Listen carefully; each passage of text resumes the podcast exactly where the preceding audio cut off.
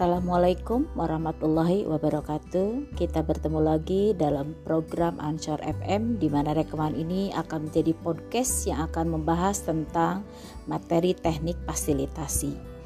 Tujuan dari materi ini adalah di mana peserta dapat menjalankan perannya sebagai fasilitator dalam sebuah pelatihan.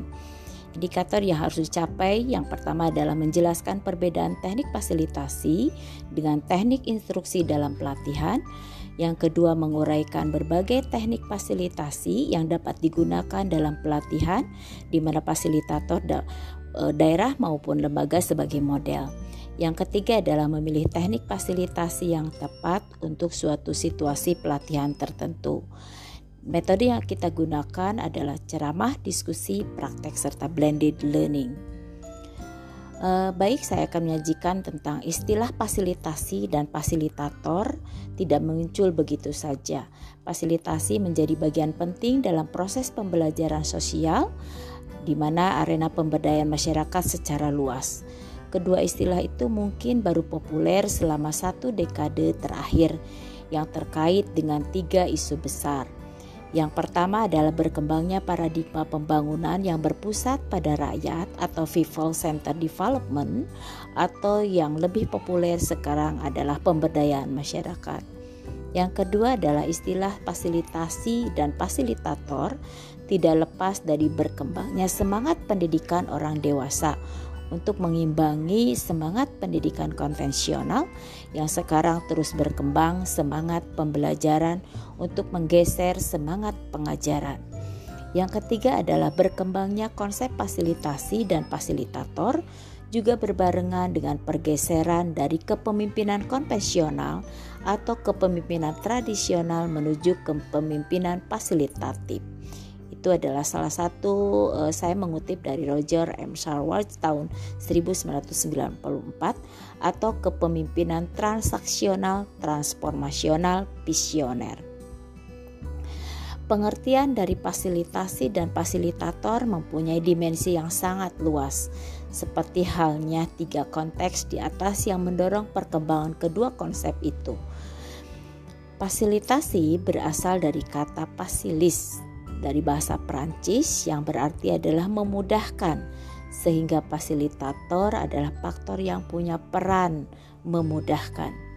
Tetapi fasilitasi jangan dimaknai secara sempit, yaitu memberikan fasilitas-fasilitas material atau fisik kepada orang lain. Fasilitasi akan selalu berkenaan dengan kelompok, di mana fasilitasi adalah sebuah proses di mana seseorang yang dapat diterima oleh seluruh anggota kelompok di mana secara substantif berdiri netral dan tidak punya otoritas mengambil kebijakan melakukan intervensi untuk membantu kelompok memperbaiki cara-cara mengidentifikasi dan menyelesaikan berbagai masalah serta membuat keputusan agar bisa meningkatkan efektivitas kelompok itu. Selanjutnya adalah fasilitasi adalah sebuah proses perubahan yang berlangsung bersamaan dengan pengorganisasian dan mobilisasi kelompok anggota komunitas. Fasilitasi dan mediasi memiliki kesamaan bahwa keduanya memasuki intervensi oleh pihak ketiga yang diterima dan netral tetapi keduanya memiliki perbedaan pada tiga sisi. Yang pertama adalah pada sisi tujuan. Tujuan mediasi adalah membantu pihak-pihak yang bernegosiasi untuk mencari penyelesaian konflik. Fasilitasi bertujuan membantu kelompok membicarakan dan menyelesaikan masalah dan pembuatan keputusan. Yang kedua adalah dari sisi masuknya ke dalam proses.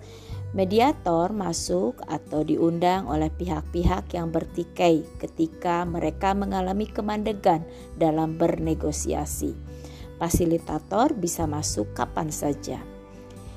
Yang ketiga adalah bahwa sisi kontrol terhadap proses. Mediator melakukan kontrol terhadap proses lebih besar ketimbang fasilitator Mediator harus lebih ketat dalam memainkan peran memediasi pihak-pihak yang bertikai. Misalnya mengatur bentuk siapa yang berbicara di dalam forum. Sementara fasilitator dan peserta forum bersama-sama mengontrol kegiatan fasilitasi. Fasilitasi berkenaan dengan tiga hal penting yang harus diperhatikan oleh fasilitator. Yang pertama adalah substansi, berkenaan dengan apa yang dibicarakan dalam kelompok atau forum, seperti konsep, pengalaman, pandangan, dan lain-lain.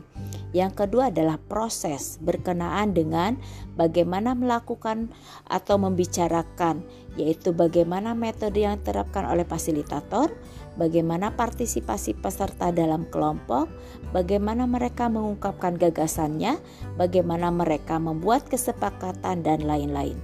Proses tidak kalah pentingnya dibandingkan substansi. Jika prosesnya jelek, maka tujuan fasilitasi kelompok atau forum akan gagal juga. Proses fasilitasi yang baik akan kita bahas dalam konteks diskusi dan petunjuk untuk fasilitator. Yang ketiga adalah hubungan. Berkenaan dengan hubungan antar peserta, antar peserta dengan fasilitator, antar peserta dengan panitia, dan lain-lain. Fasilitasi yang baik membutuhkan kedekatan hubungan antar peserta dan antar peserta dengan fasilitator. Hubungan yang setara atau tidak dominatif, terbuka, akrab, informal, saling menghormati, dan lain-lain. Mengapa fasilitasi itu penting?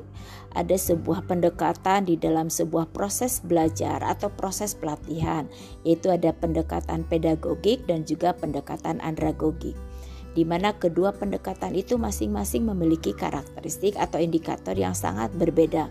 Salah satunya adalah dalam pendekatan pedagogik, di mana motivasi belajar itu karena adanya sebuah kewajiban.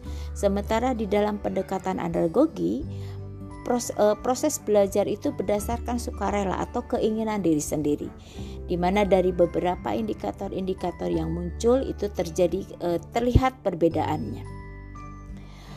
Dalam fasilitator uh, yang baik tentunya ada 11 kriteria. Yang pertama adalah mendengarkan, mendukung, merakum, menantang, memimpin jalannya proses, menciptakan lingkungan yang aman dan nyaman, menghargai semua pendapat, membuat kelompok berjalan maju, kegiatan sesuai jadwal, mendorong partisipasi semua peserta, serta yang terakhir adalah memiliki sikap sensitif gender. Metode dasar di dalam fasilitasi, yang pertama ada diskusi, yang kedua ada workshop, dan yang ketiga ada action plan. Di mana dalam proses diskusi ada dialog terfokus atas tema atau pengalaman yang bersama, ada berbagai pandangan yang beragam dalam suasana yang non-konfrontatif, dan ada analisis yang mendalam atau mencari jalan keluar. Sementara di dalam metode workshop itu ada analisis terfokus, ada membangun kesepakatan kelompok, mentransformasi kesepakatan gagasan, mencari sebuah gagasan tindakan. Metode yang terakhir adalah action plan, di mana membangun rencana aksi yang konkret, menciptakan job deskripsi, serta menginisiasi tindakan kelompok. Di dalam teknik fasilitasi itu sendiri ada brainstorming, presentasi, dialog, diskusi kelompok terfokus, ada workshop, ada role play, simulasi, studi kasus, studi pustaka, pendampingan, dan metode-metode yang lainnya. Terima kasih telah mendengarkan podcast ini. Semoga bermanfaat dan sukses untuk kita semua. Sampai berjumpa kembali pada topik berikutnya tentang dasar-dasar konseptual, penerapan metode, dan teknik fasilitasi.